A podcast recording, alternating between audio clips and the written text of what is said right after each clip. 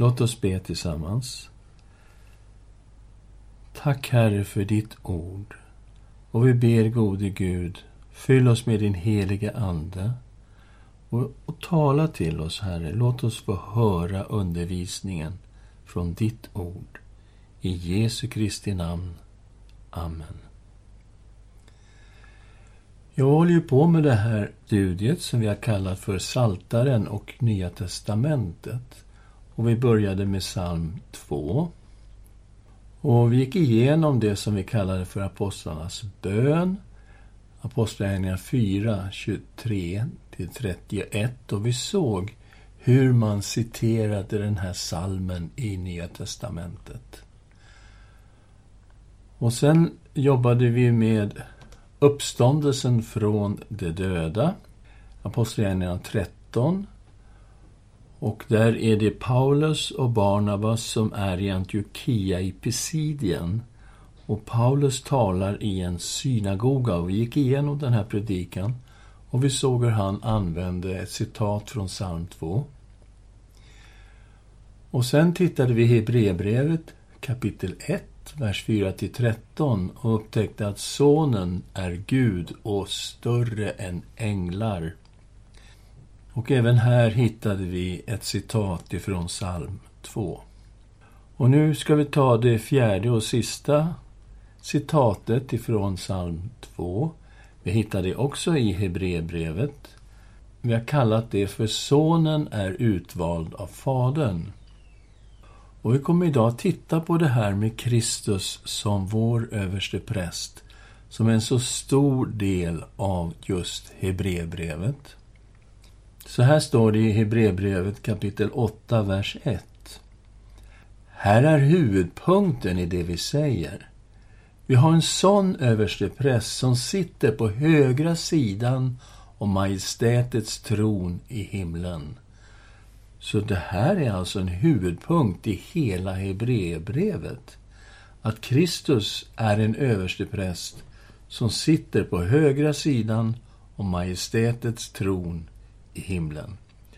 Och det här är också ett citat ifrån psalm 110, vers 1 och psalm 110, vers 4 som är liksom ihopbakat till ett citat. Vad hade översteprästen för uppgift? Ja, man kan se i brevbrevet 5, vers 1. Men varje överstepräst blir utsedd bland människor och insatt för människors skull för att göra tjänst inför Gud och bära fram gåvor och offer för deras synder.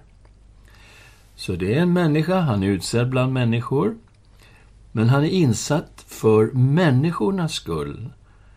Och han kommer att tjäna inför Gud. Han är alltså en medlare mellan Gud och människor. Och han bär fram gåvor och offer för människornas synder. Och Kristus var utvald av Gud till att bli överstepräst. Vi läser Hebreerbrevet 5, vers 4-6.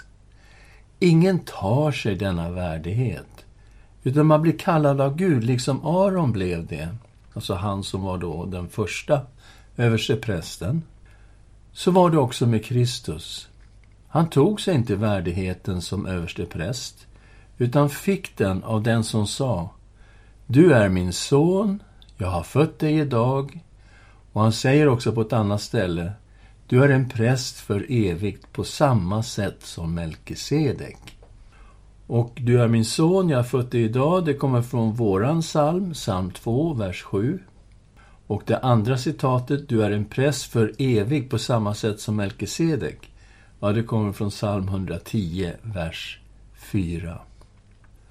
Så man utses till att bli överstepräst och även Kristus blev utsedd till att bli överstepräst efter Melkisedeks sätt. Och Melkisedek, han är en figur som vi hittar på ett par ställen i Gamla testamentet. Och han var kung och präst i samma person. Så var det aldrig i Israel. Översteprästen fick aldrig bli kung och kungarna, när de fick aldrig bli överstepräster. Men det här är en annan typ av präst.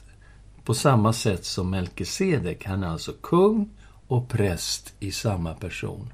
Och det är Kristus. De tjänade ju i tabernakel därför att Gud hade sagt att han ville bo ibland sitt folk. Så här läser vi Andra Mosebok kapitel 25, vers 8. Så här säger Gud till Mose. Det ska göra en helgedom åt mig så att jag kan bo mitt ibland dem. Och så gav han då väldigt tydliga instruktioner av hur tabernaklet skulle byggas. Och det här tabernaklet, det byggdes så att det hade en förgård som gick runt om med en sorts staket av tyg som var så högt att man inte kunde se över det. Och bara prästerna fick vara på förgården. Inga vanliga människor fick vara där, bara prästerna. Själva tabernaklet bestod av två rum, det heliga och det allra heligaste. Och det var ju avdelat med ett förhänge som gick emellan de här två rummen. Och bara präster fick gå in i det heliga och bara översteprästen fick gå in i det allra heligaste. Och det gjorde han bara en gång per år på den stora försoningsdagen. Det som man kallar för Jom Kippur. På förgården så stod offeraltaret och det var där som alla djuren offrades. Och det fanns också ett kar där, ett stort kar som man kunde tvätta sig innan man gick in i tabernaklet. I rummet som kallades för det heliga, där stod ett bord med tolv stycken skådebröd. Och det var ett bröd för varje stam i Israel. Och man bytte ut de här bröden en gång i veckan. Och där fanns också en sjuarmad ljusstake och prästerna gick in och såg till att det inte saknades olja så att den här ljusstaken brann. För det var egentligen den enda ljuskällan som man hade inne i tabernaklet. I det här rummet som kallades för det heliga stod också rökelsealtaret. Och där gick prästen in varje dag och tände rökelse inför Herrens ansikte. Och det var just det här som till exempel Sakarias gjorde, han som blev Johannes döparens pappa. När ängeln Gabriel kom till honom och talade om för honom att han och Elisabet skulle få en son och de skulle ge honom namnet Johannes. Så det var det här han gjorde. Han var inne i det här rummet som kallades för det heliga och tände rökelse inför Herrens ansikte som en form av tillbedjan. Och templet i Jerusalem, det var ordnat på samma sätt som tabernaklet. Så tabernaklet kan man säga var en mönsterbild för hur templet byggdes. I det allra heligaste, där stod arken. Och arken var egentligen en låda. Och i den här lådan fanns de tio budorden och Arons stav och lite manna. Och allt det här var överdraget med guld. Ovanpå arken var ett speciellt lock. Och det fanns två keruber som stod på det här locket. Och man kallade det här locket för nådastolen. Och tanken var att nådastolen var en symbol på nådens tron som vi läser om i Hebreerbrevet. Och när översteprästen gick in i det allra heligaste, då gick han så att säga in för Guds ansikte och bringade försoning för Israels folk. Översteprästen hade ju speciella kläder. Han hade en turban och han hade ett diadem. Och på det här diademet så stod det Helgad åt Herren. Och det betyder att översteprästen var avskild för Herren. Han var ju medlaren mellan Gud och människan. Han hade axelstycken och på de här axelstyckena var namnen på Israels barns stammar ingraverade. Han hade också tolv stenar i sin bröstsköld. Och det var en sten för varje stam i Israel. Och det här innebär att när översteprästen gick in för Gud, in i det allra heligaste, då gick hela folket in i sin överstepräst inför Gud. Eftersom man hade stammarnas namn skrivna på sina axlar och de här stenarna på bröstskölden. Allt det här representerade Israels folk. Han var folkets överstepräst och han var Guds överstepräst. Och han var en medlare mellan Gud och människan och det kan vi se på flera ställen i Bibeln. Och vi läste också i Hebreerbrevet kapitel 5, vers 1. Varje överstepräst blev utsedd bland människor och insatt för människors skull, för att göra tjänst inför Gud och bära fram gåvor och offer för deras synder. En väldigt viktig dag i Israels historia, och också en väldigt viktig dag för Hebreerbrevet, det är den stora försoningsdagen. Det var ju den enda dagen på hela året som översteprästen fick gå in i det allra heligaste. Och vi läser om den här dagen i tredje Mosebok kapitel 16 och vi ska gå dit. Och först så offrade översteprästen en tjur till försoning för sina egna synder och för hela sin familj. Men det fanns två bockar på den här dagen. En bock var för Herren och en bock var för folket. Och vi ska titta på den här första bocken som var för Herren. Det är tredje Mosebok kapitel 16, vers 15 till 19.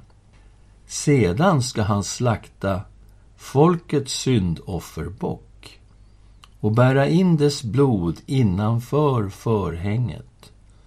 Och han ska göra med blodet som han gjorde med tjurens blod.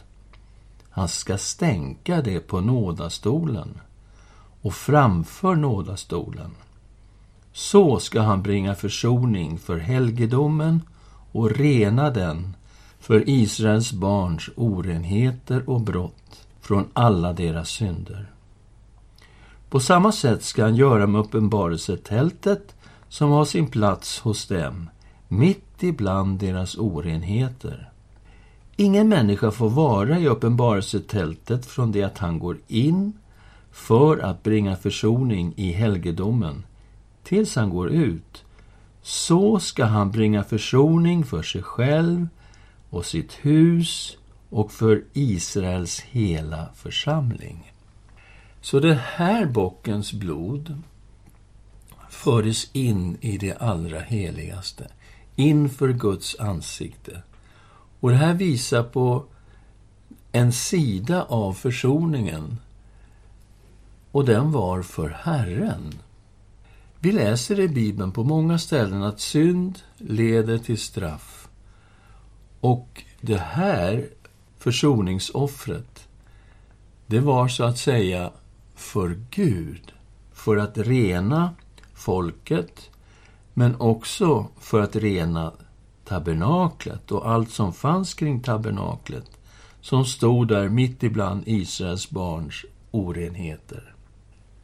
Den andra bocken, den läser vi om i kapitel 16, vers 20-22.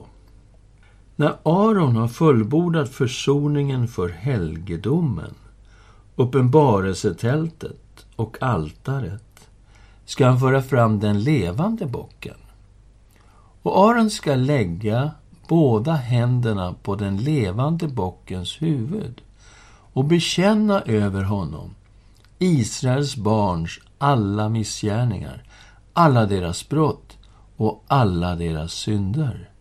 Han ska lägga dem på bockens huvud och sedan sända iväg den ut i öknen genom en man som hålls redo för det. Bocken ska bära alla deras missgärningar på sig, ut i ödemarken, och man ska släppa bocken ute i öknen. Så den här bocken, den var för folket. Och översteprästen då, Aron, som var medlaren mellan Gud och människan. Han skulle alltså lägga sina händer på bockens huvud och bekänna alla synder som folket hade begått under det gångna året. Och sen skulle den här bocken föras ut i öknen långt bort ifrån lägret och släppas någonstans i öknen. Och det här visar på att i försoningen så skiljer Gud oss från våra synder. Det står i Bibeln att han har skilt oss från våra synder lika långt som öster är ifrån väster. Så det är två bockar här, den ena för Herren och den andra för folket. Vad blev det för resultat av den stora försoningsdagen? Ja, vi läser i Tredje Mosebok 16, vers 30.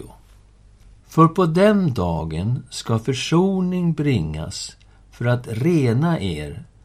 Från alla era synder ska ni renas inför Herrens ansikte.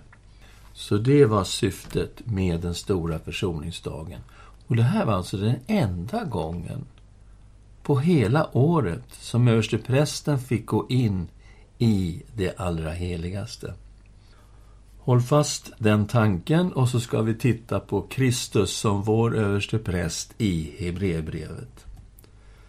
Hela denna undervisning om Kristus som vår överste präst, den börjar i kapitel 4, vers 14 och pågår ända till kapitel 10, vers 25. Och vi ska försöka följa igenom tankarna kring Kristus som vår överste präst i Hebreerbrevet. Det är naturligtvis omöjligt att göra det på en enda lektion, men vi ska ändå göra ett försök. Vi läser Hebreerbrevet 4, vers 14-16. När vi nu har en stor överste präst som har stigit upp genom himlarna, Jesus, Guds son, låt oss hålla fast vid vår bekännelse. Vi har inte en överstepräst som inte kan ha medlidande med våra svagheter, utan en som varit frestad i allt liksom vi, fast utan synd. Låt oss därför frimodigt gå fram till nådens tron för att få barmhärtighet och finna nåd till hjälp i rätt tid. Så vi har en jättestor överstepräst. Han har stigit upp genom himlarna och då ska vi tänka stora försoningsdagen, att översteprästen går in i det allra heligaste. Kristus har ju gått in i själva himmelen och sitter nu på Faderns högra sida. Och vi har en överstepräst som har varit prövad på alla tänkbara sätt, men utan synd. Därför uppmanas vi att frimodigt gå fram till nådens tron för att få barmhärtighet och finna nåd till hjälp i rätt tid. Tänk nu på nådastolen och att det här var en bild på verkligheten som finns i himlen, på Guds tron. Och tänk på att Guds tron är inte domens tron, utan det är nådens tron. Och där får vi gå fram inför Herrens ansikte och frimodigt be om barmhärtighet och finna nåd och hjälp i rätt tid. Översteprästen Kristus är ju större än de andra översteprästerna. Och vi läser i kapitel 7, vers 20 28. Dessutom kom det inte utan ed. De andra blev präster utan ed. Men Jesus har blivit det genom en ed av den som sa till honom Herren har gett sin ed och ska inte ångra sig. Du är präst för evigt. Och Det här är ett citat från psalm 110, vers 4. Så mycket bättre är det förbund för vilket Jesus är garant. De andra prästerna har blivit fler och fler därför att döden hindrade dem från att stå kvar i sin tjänst. Men Jesus lever för evigt. Och därför har han ett prästämbete som är evigt. Därför kan han också helt och fullt frälsa dem som kommer till Gud genom honom, eftersom han alltid lever för att be för dem. Och det här visar någonting om vad Jesus Kristus gör just nu, där han sitter på Faderns högra sida. Hans offer är ju där, och han kan helt och fullt frälsa alla människor som kommer till Gud genom honom. Och han lever alltid för att be för dem. Han manar gott för dem, han ber för sitt folk. Och ibland glömmer vi att be för människor. Men det finns en som inte glömmer. Det är Jesus Kristus, vår överste präst, som sitter på högra sidan av Guds tron. Det är en sån överste präst vi behövde. En som är helig, oskyldig, obefläckad, skild från syndare och upphöjd över himlarna. Han måste inte bära fram offer varje dag som de andra översteprästerna. Först för sina egna synder och sedan för folkets. Det gjorde han, en gång för alla, när han offrade sig själv. Och här ser vi ju nu att vår överste präst, han kom inte med något djuroffer, utan han offrade sitt eget liv för vår skull. Och vi ska läsa att Kristus tjänar i en bättre helgedom än Aron, faktiskt i den verkliga helgedomen. Vi läser kapitel 8, vers 1 och 2. Här är huvudpunkten i det vi säger. Vi har en sån överstepräst som sitter på högra sidan om majestätets tron i himlen och som tjänar i helgedomen, det sanna tabernaklet, som Herren själv och ingen människa har rest. Där tjänar han. Och han tjänar i ett mycket bättre förbund än vad Aron gjorde. Kapitel 8, vers 6-13. Men nu har Kristus ett högre prästämbete, liksom han är medlare för ett bättre förbund, som är grundat på bättre luften. För om det första förbundet hade varit utan brist skulle det inte behövas ett andra. Men Gud förebrår dem när han säger Se, och här kommer ett citat från Jeremia kapitel 31. Se, dagar ska komma, säger Herren, då jag ska sluta ett nytt förbund med Israels hus och med Judahus. Inte som det förbund jag slöt med deras fäder, den dag jag tog deras hand och förde dem ut ur Egypten. För de blev inte kvar i förbundet med mig, så jag brydde mig inte om dem, säger Herren.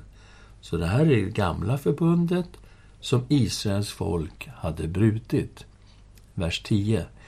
Nej, detta är det förbund som jag efter denna tid ska sluta med Israels hus, säger Herren. Jag ska lägga mina lagar i deras sinne och skriva dem i deras hjärtan.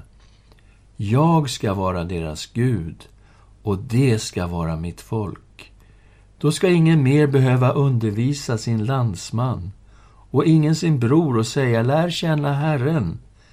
Alla kommer att känna mig, från den minste av dem till den störste. För jag ska i nåd förlåta deras missgärningar och aldrig mer minnas deras synder.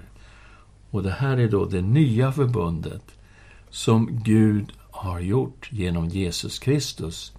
Kom ihåg att när Jesus instiftade nattvarden kvällen innan han blev korsfäst, så tog han en bägare och sa, den här bägaren är det nya förbundet i mitt blod. Så Jesu offer var ett förbundsoffer. Och på den tiden var det så att när man hade gjort ett förbund, då fanns det ju villkor i de här förbunden och ofta löften också. Och när man hade offrat förbundsoffret, då innebar det att nu gällde det här förbundet och nu gällde villkoren i det här förbundet. Vad säger han om det här förbundet? Han säger att han ska lägga sina lagar i deras sinne och skriva dem i deras hjärtan. Och Vi vet ju att de tio budorden de var utanför människan, ingraverade på stentavlor. Men här säger Gud, nej, lagarna ska in i människans inre, i deras hjärtan. Och vi förstår att det här handlar om den helige Ande som vi tar emot när vi tar emot Jesus Kristus. Vi blir alltså födda på nytt i den heliga Ande och Guds ande bor i oss. Gud säger, jag ska vara deras Gud. Det ska vara mitt folk. Då ska ingen mer behöva undervisa sin landsman, ingen sin bror och säga, lär känna Herren. Alla kommer att känna mig, från den minste till den störste. Det innebär ju inte att vi kommer att veta allting om Gud. Det är fullständigt otänkbart. Men det innebär att man känner Gud på så sätt att man har en relation med Gud genom Jesus Kristus. Och vad ska Gud göra? Han ska i nåd förlåta deras missgärningar och aldrig mer minnas deras synder. Så det är total syndaförlåtelse i det nya förbundet. Och det är ju baserat på Jesu offer. Och i vers 13 står det När han talar om ett nytt förbund har han därmed förklarat det förra föråldrat. Och det som blir gammalt och föråldrat är på väg att försvinna. Så helt klart ville författaren att hebreerna, de är judar, hebreerna är judar, att de inte skulle leva kvar i det gamla förbundet utan leva fullt ut i det nya förbundet i Jesus Kristus. Och Nya förbundets helgedom och prästtjänst läser vi om i 9, 11 och 12 i Hebreerbrevet. Men nu har Kristus kommit som överste präst för det goda som skulle komma genom det större och fullkomligare tabernaklet som inte är gjort av människohand, alltså inte tillhör den här skapelsen, gick han in i det allra heligaste, en gång för alla, inte med bockars och kalvars blod, utan med sitt eget blod och vann en evig återlösning. Så har vi detta med den stora försoningsdagen, den enda dagen som översteprästen gick in i det allra heligaste och Kristus gick in i själva himlen, i det fullkomliga tabernaklet och han gick in med sitt eget blod och vann en evig återlösning. Fantastiskt. Och det nya förbundet måste invigas med ett blodsoffer. Och det var det här vi sa, att när man gjorde ett förbund så fanns det också ett offer. Och det offret var ju en väldigt viktig del av det nya förbundet. Vi läser i kapitel 9, vers 15-17. Därför är Kristus medlare för ett nytt förbund, för att de som är kallade ska få det utlovade eviga arvet när han nu med sin död friköpt oss från överträdelserna under det förra förbundet. Och här ska vi lägga märke till att det finns ett utlovat evigt arv. Ordet förbund och ordet för testamente är samma ord i grekiskan.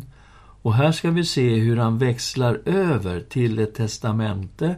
Det kan ju finnas fantastiska löften i ett testamente, men det gäller ju inte förrän den som har upprättat testamentet är död.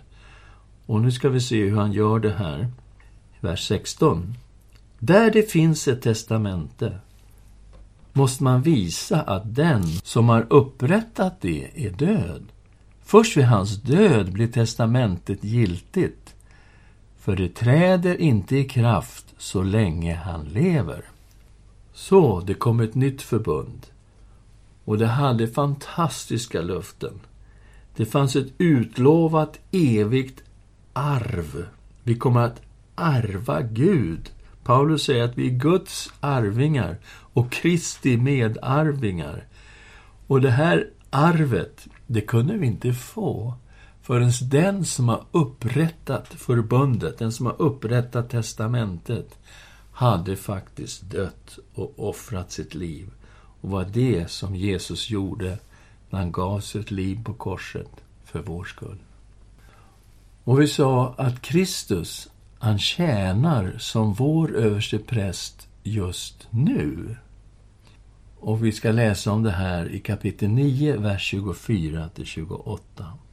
Kristus gick inte in i en helgedom som är gjord av människohand och som bara är en bild av den verkliga helgedomen. Han gick in i själva himlen för att nu träda fram inför Guds ansikte för vår skull. Hörde ni rätt? Vad är det han gör nu? Just nu så träder han fram inför Guds ansikte för vår skull. Så vår överste präst är där i själva himlen. Hans offer är där och han ber för oss och vi är ytterst välkomna att komma fram till nådens tron i himlen. Vers 25. Inte heller skulle han offra sig flera gånger, så som översteprästen varje år går in i det allra heligaste med blod som inte är hans eget. I så fall hade han varit tvungen att lida många gånger sedan världens skapelse. Men nu har han trätt fram en gång för alla, vid tidernas slut, för att genom sitt offer utplåna synden. Och det här är ju viktigt att Kristi offer är ett evigt offer. Vi är tacksamma att det sträcker sig framåt, så att vi kan bli frälsta. Men det sträcker sig också bakåt, i alla tider. Så alla människor som blir frälsta i det gamla förbundet och fick sina synder förlåtna, det sker i verkligheten genom Kristi offer. Här indikerar han ju det. I så fall hade han varit tvungen att lida många gånger sedan världens skapelse. Så det här offret handlar inte bara om oss. Det handlar om allt Guds folk i alla tider. Vi läste ju också det i 9 och 17. Därför är Kristus medlare för ett nytt förbund, för att de som är kallade skulle få det utlovade eviga arvet, när han nu i sin död har friköpt oss från överträdelserna under det förra förbundet. Så, det handlar om överträdelserna under det förra förbundet, under det gamla förbundet. Kristi offer sträcker sig både bakåt och framåt. Kapitel 9, vers 27. Men liksom människan måste dö en gång och sedan dömas, så blev Kristus offrad en gång för att bära många synder. Och han ska träda fram en andra gång, inte för att bära synd, utan för att frälsa dem som väntar på honom. Så alla människor måste dö, och efter döden kommer domen.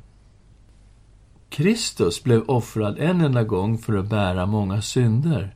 Han ska komma tillbaka, han ska träda fram en andra gång. Men då kommer han inte offra sig för synd, utan då kommer han för att frälsa dem som väntar på honom. Och så jämför Hebreerbrevet Kristi offer med alla offren i det gamla förbundet. Vi ska se hur han gör det här i kapitel 10, vers 11 till 14. Alla andra präster står och förrättar sin tjänst dag efter dag och bär gång på gång fram samma offer som aldrig kan ta bort synderna. Okej, okay, det här är situationen för alla andra präster. De står och jobbar dag efter dag och bär fram ena djuroffret efter det andra, men de kan aldrig ta bort synderna. Jämförs med Jesus.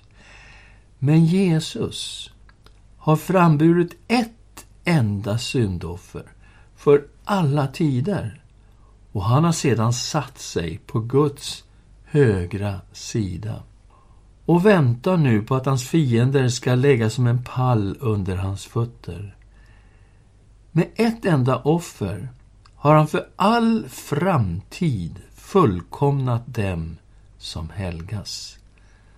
Okej, eh, okay, Kristus har framburit ett enda offer.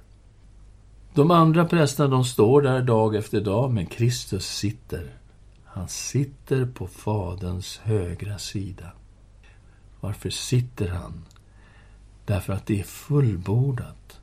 Hans offer är fullbordat. Och med det enda offret som han har framburit har han för all framtid fullkomnat dem som helgas. Det här är ju helt makalöst. Och vi får den heliga Andes vittnesbörd och bekräftelse på detta. Och Anden bekräftar genom bibelordet faktiskt. Det är Jeremia kapitel 31 igen, det som handlar om det nya förbundet. Det kommer genom den heliga Ande, det vill säga den heliga Ande talade genom profeten Jeremia och detta är vad som går fram. Vi läser kapitel 10, vers 15 18. Även den heliga Ande vittnar om detta för oss. Först säger han, alltså den heliga Ande, detta är det förbund som jag efter denna tid ska sluta med dem. Och sedan säger Herren, jag ska lägga mina lagar i deras hjärtan och skriva dem i deras sinnen. Och deras synder och överträdelser ska jag aldrig mer minnas. Och där synderna är förlåtna behövs inte längre något syndoffer. Så nu har vi sett den här undervisningen om Kristus som vår överste präst. Och vi gör som en summering av resultatet av det här för vår skull. I kapitel 10, vers 19 25.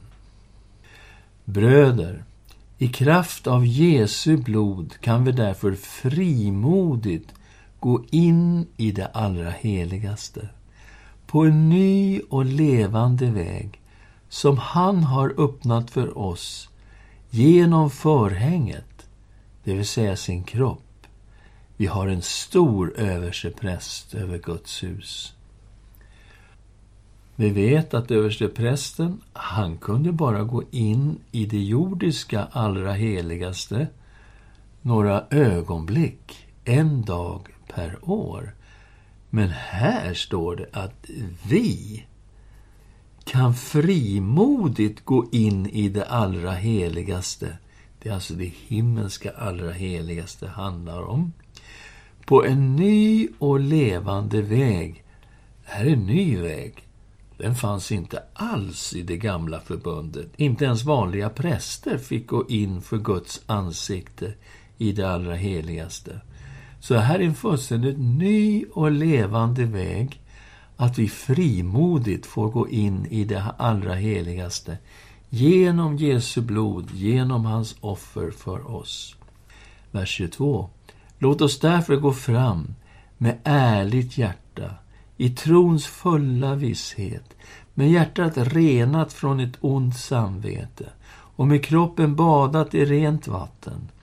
Låt oss orubbligt hålla fast vid hoppets bekännelse.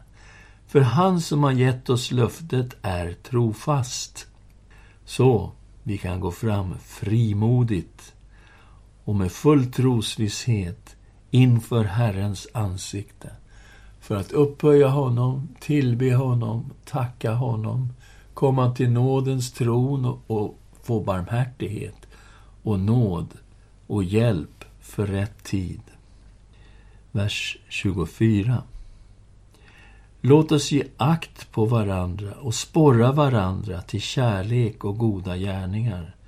Låt oss inte överge våra sammankomster, så som några brukar göra, utan istället uppmuntra varandra. Och det är så mycket mer som ni ser att dagen närmar sig. Och den här dagen som närmar sig, det är när Jesus ska komma tillbaka. Så här ser vi ju hur fantastiskt Hebreerbrevet lägger fram detta med Kristus som vår överste präst. Och i det här hittade vi då ett citat ifrån psalm 2 där Kristus var utpekad. Han var utvald som överste präst. Som vi läste i kapitel 5, vers 4 till 6. Ingen tar sig denna värdighet, utan man blir kallad av Gud, liksom Aron blev det. Så var det också med Kristus. Han tog sig inte värdigheten som överste präst, utan han fick den av honom som sa Du är min son, jag har fött dig idag. Han säger också på ett annat ställe Du är präst för evigt på samma sätt som Melkisedek. Låt oss tacka Herren tillsammans. Tack Herre för ditt underbara ord. Och tack Herre att vi frimodigt får gå fram till nådens tron. Trots all vår svaghet. Och vi får gå fram till dig som varit frestad i allt, prövad i allt, liksom vi, fast utan synd. Tack Herre Jesus för att du är där, på Faderns högra sida. Tack för att ditt offer är där. Tack för att du ber för oss. Och vi kommer, Herre, och vi begär nåd och barmhärtighet och hjälp i rätt tid. Vi prisar och tackar dig. I Jesu Kristi namn. Amen.